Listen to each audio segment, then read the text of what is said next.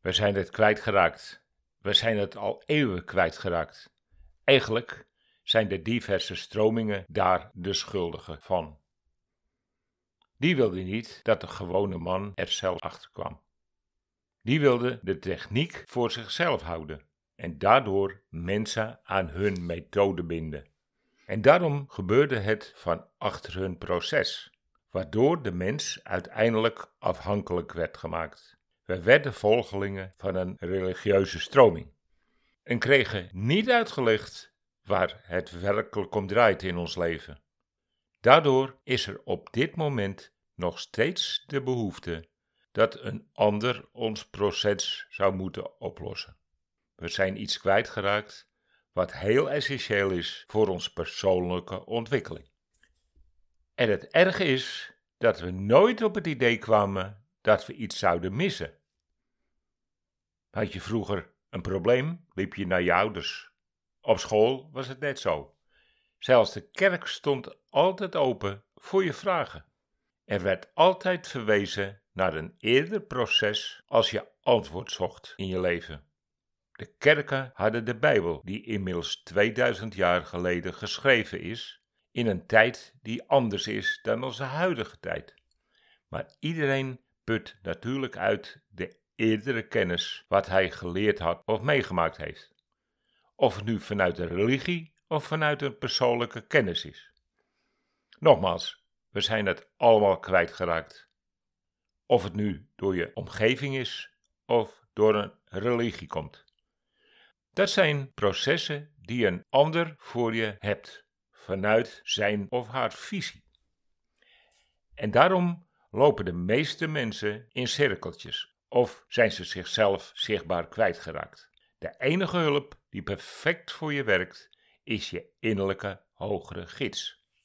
Maar al eeuwen wordt ons voorgehouden dat we een buiten onszelf geplaatste God moeten eren, die alleen toegankelijk is voor de ingewijden, de religie dus.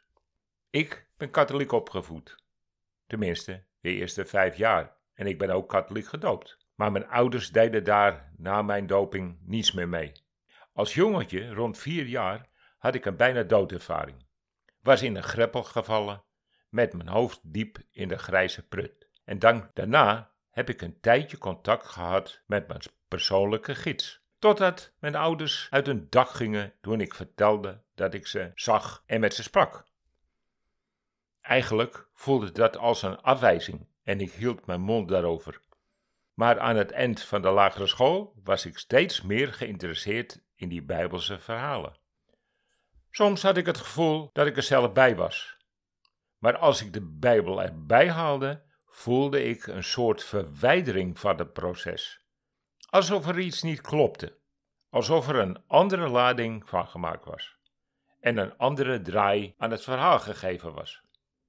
Door de herseninfarct, nu bijna vier jaar geleden voor mij, kwam ik weer in contact met dat proces waar alles om draait. Alsof er een stem in mijn hoofd zei: Zoek het niet buiten jezelf, maar kijk naar binnen. Makkelijker gezegd dan gedaan, dacht ik. Want ik had nooit geleerd hoe ik dat zou moeten doen. Maar zo als alles in mijn leven kwam het antwoord vanzelf. Ik heb dat trouwens onbewust mijn hele leven al. Ik roep iets af of wil iets en binnen mum tijd is het werkelijkheid. Of het nu voor mezelf of voor anderen is. Maar ik doe het onbewust. En omdat het normaal was, zocht ik ook niet uit hoe ik het tot stand gebracht had. Maar door dat stemmetje begreep ik dat ik moest kijken wat er automatisch in mezelf gebeurde. En misschien kan ik daar dan wel weer anderen mee helpen. Dat was ook eind 1995, toen mijn vrouw drie weken in coma lag na een hersenbloeding. Toen deed ik onbewust hetzelfde en kwam er ook informatie over het gebruik van de vingers. Ik heb toen dankzij mijn gidsen vingerreflexologie ontwikkeld. Die vingers zijn voor mij nog altijd belangrijk. De topjes staan in volle verbinding met je immuunsysteem. Dus eigenlijk zijn de vingers voor iedereen belangrijk. Zodra jij namelijk een besje plukt, krijgen jouw darmen direct binnen wat er gaat komen. Uniek toch? Het is ook niet voor niets dat alle religies de bidhouding kennen. Handen op elkaar en natuurlijk ook de vingertoppen. Maar dan aanbidden we een hogere macht die alleen bij de religies het alleenrecht schijnt te zitten. Dat hoorde ik al toen ik als klein kind met mijn gidsen sprak. Want ze vertelde toen al dat mijn overgrootmoeder healings deed namens de katholieke kerk. En dat mijn oma en moeder dat afschuwelijk vonden. Heb trouwens mijn overgrootmoeder nooit in levende lijf ontmoet, maar het wel later aan mijn moeder gevraagd of het waar was. En het klopt. Maar hoe ik in mijn leven alles voor elkaar kreeg, wil ik je graag uitleggen. Het belangrijkste is dat de unieke kracht na je geboorte in jezelf zit. En bijna onmenselijke, verheven kracht. Alsof onze DNA verweven is met een buitenaards proces. Ook bij jou dus. Mensen vragen mij hoe ik met mijn gidsen communiceer. Ik vertel ze dan dat ze een andere taal spreken. Ze hebben natuurlijk geen taal.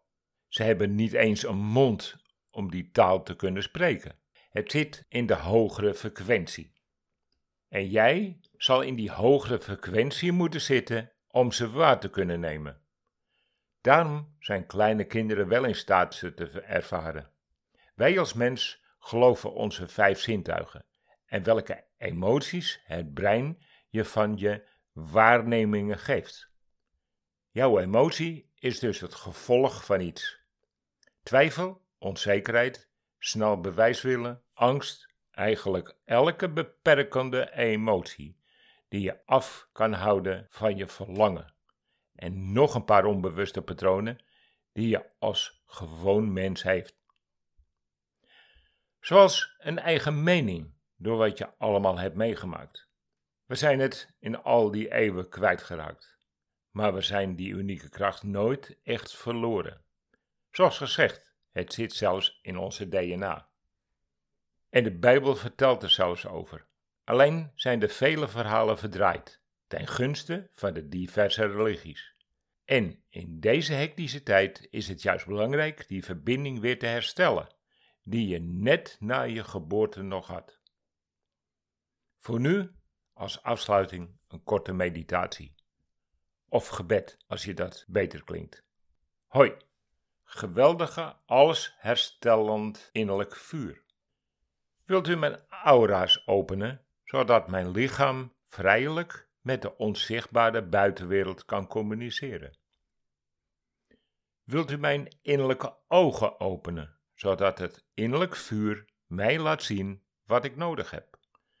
Wilt u mijn innerlijke oren openen, zodat het innerlijke vuur mij scherper laat horen?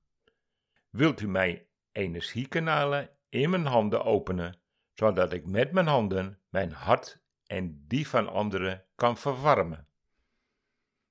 Geweldig nieuwe toekomst. Het voelt uitstekend.